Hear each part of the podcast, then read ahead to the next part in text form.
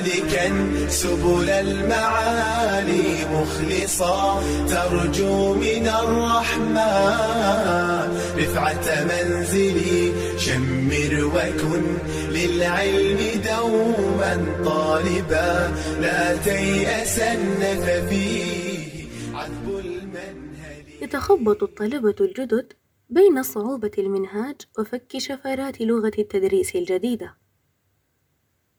ويتساءلون دوما لماذا لا نتم تدريسنا باللغة العربية؟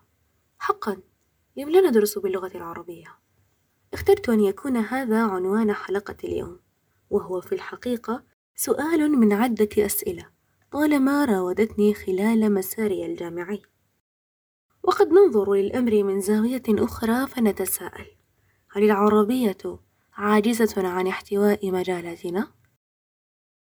نبدأ. قد ذكرنا في حلقة اللغة ليست وسيلة تواصل تعريف اللغة ومفهومها وأهم وظائفها لكننا نخص في حلقتنا هذه العربية دون غيرها. تعد اللغة العربية من أقدم اللغات الحية على وجه الأرض على اختلاف بين الباحثين حول عمرها وقد عرف عنها حملها قوة بيان وروعة سحر. وحسن نظام. حتى جعلت ابن الجني يعتقد أنها من صنع الإله لا من صنع الإنسان. فيقول وذلك أنني إذا تأملت حال هذه اللغة الشريفة الكريمة اللطيفة وجدت فيها من الحكمة والدقة والإرهاف والرقة ما يملك على جانب الفكر حتى يكاد يطمح به أمام غلوة السحر وانضاف إلى ذلك وارد الأخبار المأثورة بأنها من عند الله عز وجل فقوى في نفس اعتقاد كونها توفيقا من الله سبحانه وأنها وحي.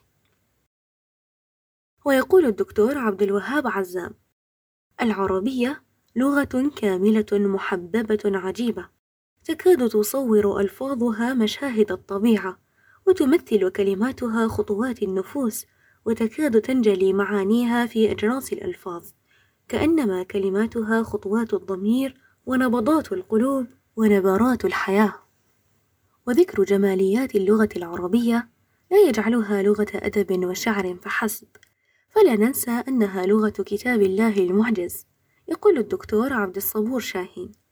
إن القرآن حين وسع الدلالة اللفظية منح ألفاظ اللغة مرونة هائلة وصلاحية باهرة للتعبير عن مختلف المعاني الطارئة في حياة الناس وبذلك اتسعت العربية لكل مستحدث في العلم أو مستنبط من الفكر.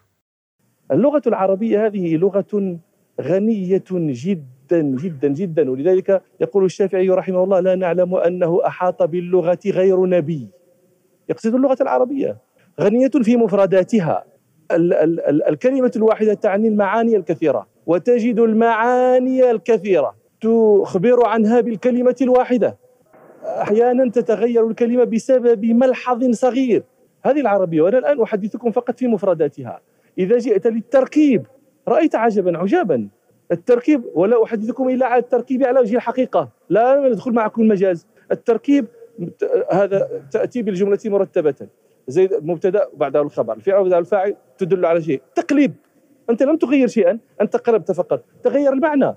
تحذف شيئا. تغير المعنى. تقدر شيئا محذوفا. تغير المعنى.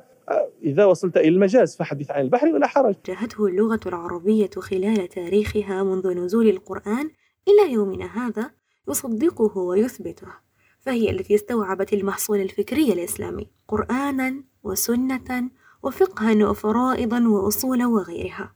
فنجحت هذه اللغة عن طريق الاشتقاق والتوليد والنحت والمجاز بتوفير عشرات آلاف المصطلحات الجديدة. ونقصد بهذه الخصائص شق الكلام بعضه من بعض وهو مما تتسع به اللغة وتنمو ويزداد ثراء الألفاظ والمفردات عن طريقها. وقد سمحت هذه الخصائص للغة أن تحتوي الألفاظ العلمية الحديثة والاختراعات مثلا تسمية الهاتف هاتفا من الفعل هتف أي نادى ونقصد به المنادي. أو مثلا تسمية السمعي البصري وما نقول عنه نحن فيديو بالمرئية فهي مشتقة من الفعل رأى وسيارة من الفعل سار وهو مثال مشهور. فينسب علماء اللغة كل اختراع حديث إلى فعل موجود في اللغة أو نقول يولد منه.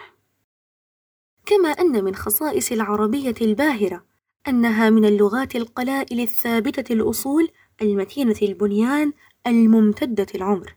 يفهم الآخر فيها ما كتب الأول وتمر نصوصها عبر العصور والقرون ويتواصل أبناؤها عبر الزمان والمكان. فما كتب في أقدم العصور يتعلمه التلاميذ والطلاب اليوم ويسير في الناس مسير الأمثال. قفا نبكي من ذكرى حبيب ومنزلي؟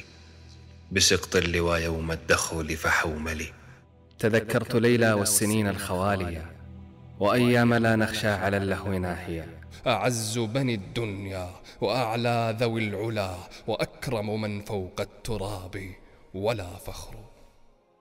ولا يجب أن نتعامى أن العربية حملت لواء العلم زهاء عشرة قرون بعد أن جنت ثمار العلوم والفنون من كل لغات الدنيا في حركة للترجمة والتعريب لم يعرف لها التاريخ مثيله إذا فمن تأمل في تاريخ العربية وقف على حقيقة هامة وهي أنها لم تكن في غابر أيامها تصلح إلا للشعر والأدب وكانت مزوية في بداوتها. فلما جاء الإسلام وقامت الحضارة أصبحت العربية لغة العلم والمعرفة وأصبح العلم لا ينال إلا بها. وهذا دليل أول على نجاح تكيف اللغة مع الزمن ومن جهة أخرى فإن التجربة الناجحة التي خاضتها الجامعات السورية بتعريب التعليم خير مثال على أن العربية لغة علم في عصر الحاسب والشبكات والتطور كذلك. قد وجدت فيما بحثت نظاما كاملا للصرف العربي حيث بإمكان الحاسوب اليوم أن يتولى أمر التوليد والاشتقاق والتصريف الذي تحدثنا عنه قبل حين وما كان هذا ليكون إلا بجهود مهندسين ولغويين آمنوا أن هذه اللغة لا تموت. ذكرنا كثيرا عن ماضي اللغة وقليلا عن حاضرها وهذا لارتباط اللغة بحضارة أصحابها. فاللغة والحضارة يتناسبان طردا فهي ظاهرة اجتماعية تعيش مع الإنسان جنبا إلى جنب تضعف بضعفه وتنمو وتزدهر بنموه وازدهاره. إن الأرض الخصبة لن تنبت إن لم نزرع فيها. كما لن نحصد من أرض أهملها أصحابها. لغتنا غير عاجزة عن حمل علومنا. إذا فلم لا ندرس باللغة العربية ويدفعني هذا لتساؤلات أخرى. نجيب عليها في الحلقة القادمة بإذن الله. و... دقيقة دقيقة. أريد أن أشكر كل من نشر البودكاست كل من شاركه كل من أعجب به كل من استمع كذلك. ممتنة لكم. أنتم لا تعلمون كم يمنحني هذا طاقة للمواصلة. سأدعو لكم دوما. شكرا.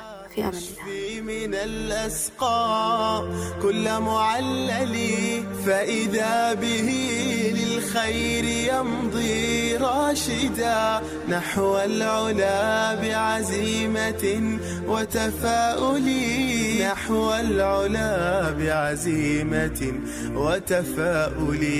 يا سالي